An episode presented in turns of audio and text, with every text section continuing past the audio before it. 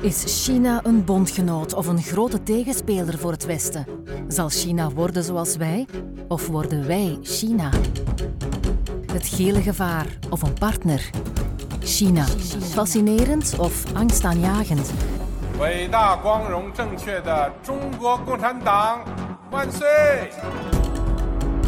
Wordt China de nieuwe wereldmacht? Veel vragen nog meer antwoorden in de podcast Het Rijk van het Midden met communicatie-expert Dimitri Stuur.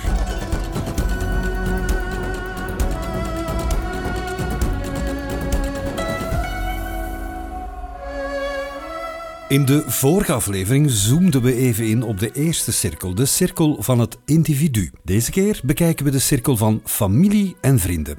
Met nadruk dan toch wel op familie. Het Rijk van het Midden, China.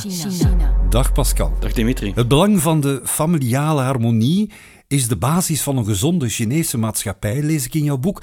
Familiebelangen komen voor het eh, individuele. En je gaat nog verder. Wie dat niet begrijpt, kent de Chinese cultuur niet. Ja, eigenlijk eh, kan je stellen dat de Chinese cultuur een familiecultuur is, een relatiecultuur. En die is eigenlijk al ja, 2500 jaar vrij onaangetast. Wat betekent dat die, die, die bakermat, die hoeksteen van de cultuur, echt terugkomt, teruggaat naar, uh, naar hoe de relaties binnen de familie ontstaan zijn 2500 jaar geleden. En nog steeds vandaag uh, de dag in de meeste families in China nog steeds uh, actief zijn. En dat betekent ja, een bepaalde relatie, dus ook een bepaalde uh, verantwoordelijkheid naar uw kinderen toe, maar ook de kinderen een bepaald respect toe naar de ouders en zo verder. Ja, ja en die familiewaarden, zoals je net opsomde met hè, tussen ouders, tussen ouder en kind, is dat strikt, is dat heel formeel allemaal geregeld of zo? Dat is niet formeel, maar het is wel een uh, onuitgesproken ja, ethiek of moraal. Dus het is eigenlijk een soort levenswijze die binnen de familie plaatsvindt. Uh, maar je kan daarvan afwijken, maar het is, eigenlijk ga je als een magneet altijd een beetje terug naar die cultuur. Dus zelf al wijk je daarvan af, je probeert toch altijd zo dicht mogelijk bij die, die afspraken van die relatie tussen twee mensen eigenlijk uh, in stand te houden. Duidelijk diep gewortelde familiewaarden in de Chinese maatschappij. Het gaat zelfs nog verder. Er bestaat iets zoals uh, de bruidsprijs. Ja, je hebt uh, de bruidsschat, die men allemaal kent, waar de, de familie van de, de vrouw eigenlijk geld geeft aan de, de, de, de man, uh, of de familie van de man. Maar de bruidsprijs is het omgekeerde. En dan gaat eigenlijk de man een stuk geld geven aan de familie van de vrouw. En dat is eigenlijk vrij gangbaar in China. Is sinds ja, iets na de duizend na Christus ontstaan. En heeft ja, duizend jaren bestaan tot, aan de, tot wanneer Mao aan de macht kwam. En hij heeft dat dan uh, stopgezet. Maar uiteindelijk is dat duizend jaar aan één stuk dat dat een gewoonte was. En dat heeft veel te betekenen, want het, het heeft natuurlijk voor de vrouw een soort ja, uh, situatie ontstaan waar de vrouw een stukje eigenlijk een, als een eigendom binnen de familie van de man werd aangekocht. Uh, ook omdat zij afhankelijk werd van die man. En dat is tijdens de, ja, de hele periode van Mao is dat weggedacht en dat was verboden.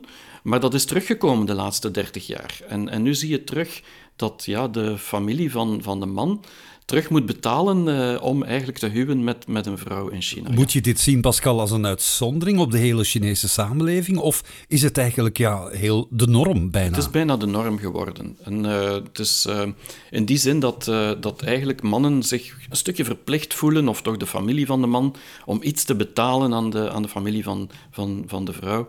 En, en dat is natuurlijk voor de vele vrouwen in China, die toch heel vrijgevochten zijn vandaag, ja, toch een, een, een wrang gevoel waar ze het gevoel hebben van ja, ik wil niet gekocht worden door die familie, ik, eh, ik sta voor mezelf. En, en dus dat, dat geeft veel spanning, waardoor dat zij eigenlijk ja, soms alleen blijven, alleen al daarvoor.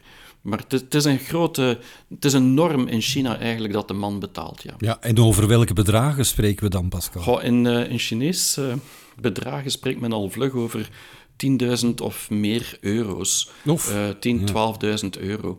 En ja, natuurlijk, als het, uh, afhankelijk van, van het gezin. Maar ja, je weet, het minimumloon in Shanghai is, is ongeveer uh, 340 euro. Uh, het gemiddeld loon zit ergens rond de 1000 euro per maand. Dus ja, je betaalt al vlug een aantal jaren loon enkel en alleen om, uh, om die bruidsprijs te kunnen betalen. Ja. Maar niet alle families, niet alle mannen kunnen dat betalen, zelfs al zijn ze tot over hun oren verliefd op die vrouw. Ja, dat geeft dan problemen. Een hoop vrouwen trouwt nooit of trouwt niet voor hun dertigste en dat geeft toch wel maatschappelijke problemen hè, voor de Chinese vrouw vandaag de dag. Ja, veel Chinese vrouwen hebben beslissen eigenlijk om later te trouwen of niet te trouwen, wat zeer onorthodox is binnen de Chinese cultuur, want normaal gezien als je 27, 28, 29 jaar bent, word je toch wel verwacht als vrouw binnen de Chinese traditionele cultuur om een echtgenoot te hebben.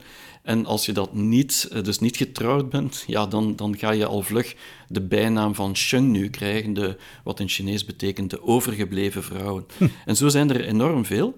Um, die eigenlijk uh, beslissen op zichzelf, ja, ik wil eigenlijk aan die traditie niet meer voldoen. Ik wil zelf voor mezelf opstaan, eigen carrière uitbouwen en ik, ik trouw wel later. Maar binnen de traditie is dat, is dat, is dat een moeilijke situatie, want zij, zij worden aanzien als niet meer, geen man meer te kunnen vinden, is waarschijnlijk uh, het resultaat in, in, in de gedachten van de familie, uh, van, van de vrouw zelf, is dat een enorme druk. Dat wou ik net vragen eigenlijk, hè, want die druk moet groot zijn voor die overgebleven vrouwen. En dan gaan ze daar vrij ver in. Ze werken zelfs met, ja, als het ware, um, heel veel schijn. Ze huren een vriendje in als het moet om de familie te overtuigen. Ja, dus, dus de vrouwen die, die laat ook zeggen, carrièregericht zijn of, of op zichzelf willen staan, niet direct willen trouwen, maar die toch ergens aan die traditionele normen willen voldoen en dus eigenlijk naar huis gaan af en toe in een geboortedorp bij hun ouders, maar, maar beschaamd zijn uh, dat ze nog niet getrouwd zijn of geen vriendje hebben, ja, die gaan dan soms, bijvoorbeeld met Chinees nieuwjaar, een, een, een man inhuren, een jongen inhuren, uh, voor die dagen door te brengen met de familie. En dat is uiteraard een heel schijn uh, toneel, maar het, het, het is voor die vrouwen minder erg om dat te doen dan eigenlijk de ouders elk jaar te moeten onder ogen komen om te moeten zeggen van ja, ik heb toch nog altijd geen vriendje en ik heb, ben nog altijd niet van plan om te trouwen. En, dus dat, dat gebeurt inderdaad uh, vrij frequent. Er zijn ook natuurlijk uh, getrouwde vrouwen, zelfbewuste vrouwen. En daar ja, wringt het schoentje ook. Hè. Ze zijn zelfbewust, maar worden geconfronteerd met een traditie. Ja, ze, ze zitten eigenlijk tussen twee werelden. Een, een wereld van traditie waar je ja, die hele familiecultuur hebt en, en toch moet voldoen. En zeker als ze moeder worden uh, en een eerste kind hebben, meestal hebben ze ook maar één kind, ja, dan gaat die familie daar willen voor zorgen en dan moet je... Dat is een, een, een wederkerig proces waar dat je voor elkaar van alles moet doen. Uh, maar tegelijkertijd willen ze carrière uitbouwen, willen ze uitgaan, willen ze ja, de wereld verkennen. Dus ze zitten in die wereld tussen het, het verleden en, en de toekomst eigenlijk. En, en dat geeft een heel bizar gevoel bij heel veel vrouwen, waardoor dat je vaak het gevoel krijgt dat ze een, een dubbel gelaat hebben, dat ze de ene dag traditioneel naar buiten komen en de andere dag eigenlijk uh, ja, meer onder in de sociale omgeving dan, dan echt wel vooruitstraand zijn en, en, en naar de toekomst toe leven en echt heel moderne vrouwen zijn.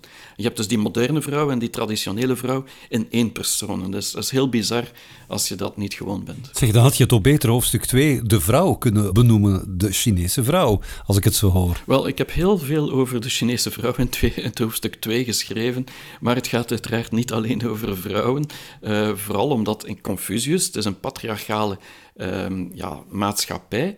Dat betekent dat die relaties vooral onder mannen eigenlijk beschreven zijn geweest. En ik heb een accent gelegd op de vrouwen, omdat die daar eigenlijk minder in beschreven waren in het Confucianisme.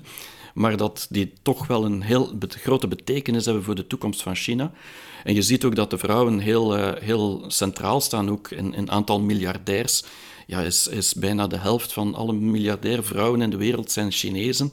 Uh, je ziet heel veel bedrijven die topfuncties hebben bij vrouwen. Dus daarom vond ik het ook belangrijk. Zelf Mao heeft ooit gezegd, de helft van de hemel uh, wordt opgehouden door vrouwen. Dus ja, het is, het is allemaal superbelangrijk. Maar traditioneel heeft het allemaal te maken met mannen. En, en net daarom dat ik dat accent bij vrouwen leg, ja. Laten we van die vrouwen terug naar families gaan. Ook heel opvallend in China is het is daar zeer gewoon dat families een gescheiden leven leiden. Ja, ze leven vaak een gescheiden leven om een aantal redenen. Meestal heeft dat te maken met uh, ofwel dat ze werk zijn gaan zoeken uh, in, uh, in de steden, vooral migranten in destijds, in de laatste dertig jaar. En die dus zijn gescheiden van hun ouders. maar dan heb je ook heel, heel vaak kinderen die eigenlijk gaan studeren op de universiteit. En die dus ja, plots moeten door een examen geraken die enorm moeilijk is. Dat noemt Gaokao in Chinees. Dat is een van de moeilijkste examens in de wereld. Daar studeren ze jaren aan een stuk voor.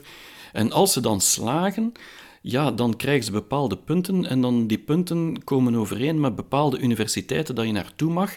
En dan is de kans dat dat is in de stad waar je ouders ook wonen vrij klein.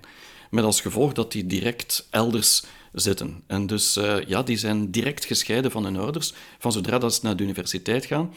En dat is soms 1000, 2000 kilometer ver, dus die komen maar een paar keer per jaar terug naar huis. En dan heb je natuurlijk ook de, de migranten die, die hun kinderen zelf hebben achtergelaten met de grootouders. En, en dat is ook een schrijnende situatie, waar dus heel veel migranten zijn geld gaan verdienen bij, in de steden, Shanghai, Shenzhen, Beijing. En dan hun kleinkinderen, ja, de kinderen zijn opgevoed door de grootouders, ja, die toch een heel ander traditioneel verleden hebben, een heel andere uh, geschiedenis meegemaakt hebben, en dus die kinderen op een heel andere manier opvoeden en waar onderwijs soms niet altijd het belangrijkste is en zo verder. En dus je krijgt al die gescheiden ja, kinderen, of ze nu in het platteland nog zijn of, of in de stad al zijn. Uh, het, is, het is een enorm bevreemdende situatie dat die allemaal uit elkaar leven. Mhm. Vooral wetende dat China een relatiecultuur is, een familiecultuur, waar je allemaal bij elkaar moet blijven. En, en dat is het bevreemde. Het aantal achtergebleven kinderen is om en bij volgens UNICEF 69 miljoen. Ja, dat zijn dus kinderen die bij de grootouders zijn achtergelaten. Vreselijk, ja. En ja, dat is een gigantisch uh, aantal kinderen. En dat is ja, vaak... Eh, soms hebben ze, zijn er twee kinderen in de familie, omdat op het platteland mochten ze soms twee kinderen hebben uh, destijds. En dan was er een, een, meisje of een jongen, of twee jongens of twee meisjes. Maar het meisje was meestal degene die moest... ja, eigenlijk uh, meewerken aan het huishouden. En dus de jongen kreeg de kans dan om te studeren. En, en dan heb je weer dat onevenwicht uh, van vrouwen dan die achtergebleven zijn. Mm. Maar inderdaad, voor uh, ja, bijna 70 miljoen kinderen, die, ja, die, hebben niet, die zijn niet bij hun ouders opgegroeid in China. Dat is een, een heel bizarre situatie die je maar begrijpt als je, als je daar woont eigenlijk. Maar het is bevreemdend. Het is niet alleen bizar en bevreemdend, ook triest natuurlijk. 69 miljoen achtergebleven kinderen. Maar ik lees ook, en dat is dan positief toch, de tijden veranderen wel. Er is meer terug een vlucht naar het platteland. Men vlucht weg bedoel ik uit steden en men gaat terug naar het platteland. Ja, en dat heeft eh, een aantal redenen. Maar de, de hoofdreden is eigenlijk gekomen doordat uh, de e-commerce zo is gebloeid in, in China. Dus op dit moment is, is meer dan 40% van alle e-commerce in de wereld gebeurt in China. Dat betekent ook dat Alibaba met haar platform, uh, dat noemt Taobao, uh, dat is het, het grote platform van, zoals Amazon in China, dat is eigenlijk een platform waar je van alles kunt kopen en verkopen en, en, en dat is miljoenen kopers en verkopers die daarop zitten. En wat dat gecreëerd heeft, is dat er Taobao-dorpen zijn ontstaan. En dat zijn dorpen op het platteland, waar eigenlijk het hele dorp gezegd heeft van wij gaan gewoon allemaal samen één grote online winkel maken en alles op Taobao zetten in, op dat Chinese Alibaba-platform. En die werken dus allemaal samen. En die, omdat dat zo goed verspreid wordt dan die producten via dat platform van Alibaba, qua logistiek en supply chain, is het eigenlijk heel efficiënt. En kunnen die veel migranten eigenlijk meer verdienen in hun dorp door op Ali, voor Alibaba te werken, onrechtstreeks, dan als ze in de stad misschien op de bouw of in de horeca of, als taxichauffeur werken. En, en, dat is eigenlijk de verandering, dat mensen terug naar het platteland gaan, omdat door e-commerce eigenlijk dat uh, platteland terug aan, aan het groeien is, aan het bloeien is. En dat wordt dan ook nog eens door de overheid ondersteund die vaak zorgt voor de logistiek, uh, voor de wegen, voor zorgen dat eigenlijk alles efficiënt verloopt in die, in, die, uh, in die dorpen. En dus ja, de overheid pusht die mensen echt terug naar het platteland in de hoop dat ze daar eigenlijk een nieuwe economie, zeker in het westen van China, zullen, zullen doen creëren. En dat gebeurt ook. Dus twee ontwikkelingen, zeg maar, die, die e-commerce sector die uh, voor veel meer familiehereniging zorgt en tegelijkertijd ook initiatief van de overheid dan. Ja, en, en zeker dat tweede is iets waar te weinig over gesproken wordt. Maar uh, dat is de laatste jaren enorm in trek. In de zin dat de, de overheid in het westen van China gigantische bedragen uitgeeft, vooral naar uh, agricultuur. dus landbouw, om, om eigenlijk te zorgen dat de mensen teruggaan naar het platteland of naar de kleinere steden. Nu, als ik spreek over een kleine stad in China, heb je het al vlug over een miljoen inwoners of een half miljoen inwoners. Uh, maar dat zijn de kleinere steden in het westen van China. Je vernoemde daarnet al Alibaba als voorbeeld, als e-commerce platform. Maar er zijn nog andere spelers die daarvoor gezorgd hebben, voor die zeg maar, ja, hereniging van de familie in, in China. Van de hereniging van de familie heb je dus vooral uh, het platform die weinig gekend is, misschien is Pinduoduo. En Pinduoduo is, uh, de, die zijn van 2015 gestart, dus dat is een jonger platform. Maar die hebben al meer klanten eigenlijk dan Alibaba op, op zeven jaar tijd. En de reden dat ze dat gedaan hebben, is ze hebben ervoor gezorgd dat er heel veel um, aankopen konden gebruiken in groep aan zeer goedkope prijzen. En dus vooral voor de kleinere steden uh, was dat een manier eigenlijk om helemaal terug uh, actief te zijn op die e-commerce platformen. En die hebben dat dus heel erg uh, gebruikt om, om eigenlijk de mensen terug bij elkaar te brengen, omdat ze via e-commerce eigenlijk gemakkelijker en goedkoper aan producten konden kopen. Dus eigenlijk werd het platteland goedkoper in een bepaald opzicht.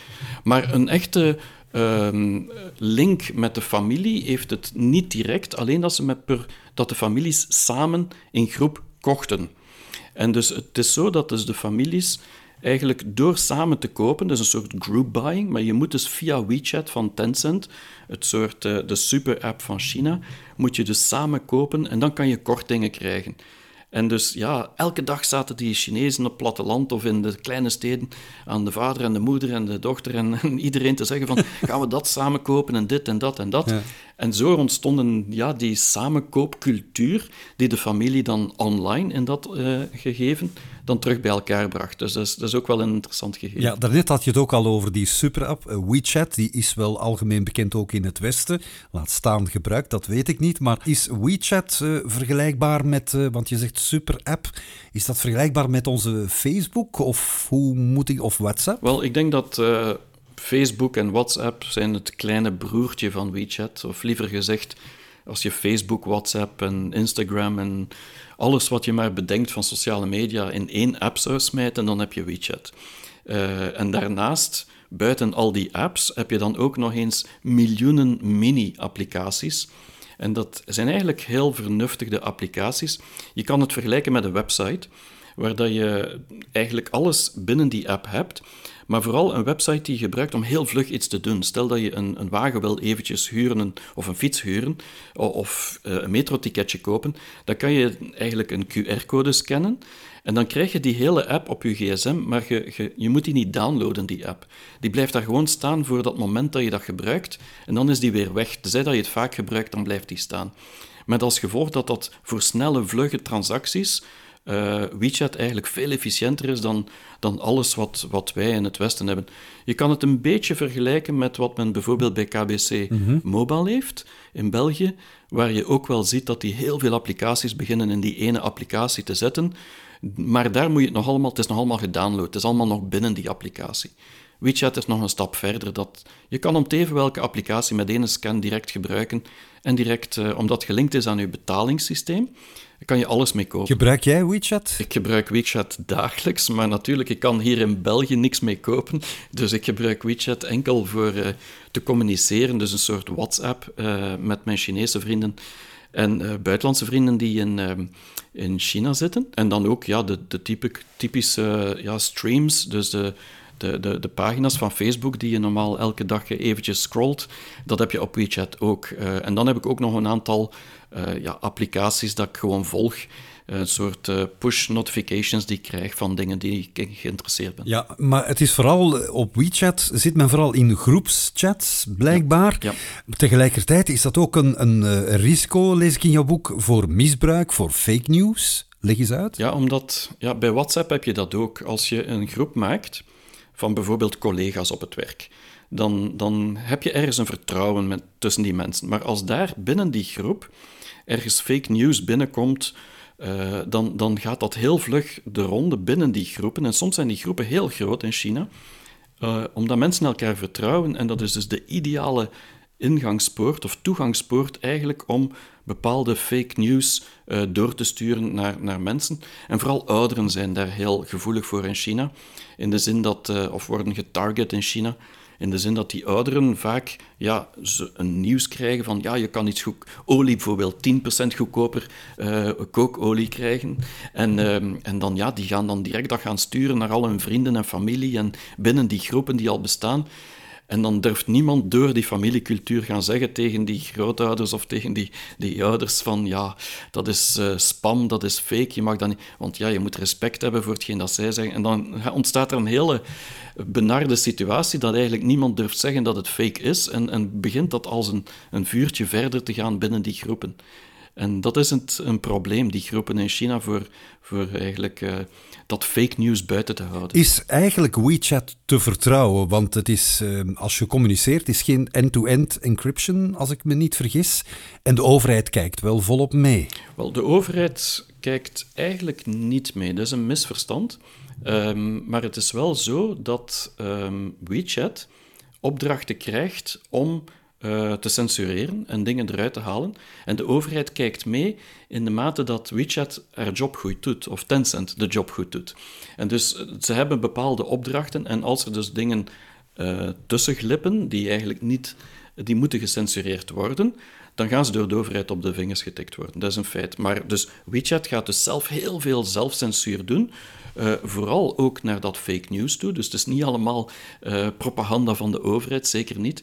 Maar er zijn bepaalde dingen inderdaad in de Chinese uh, sociale media die je dus niet kan zeggen online.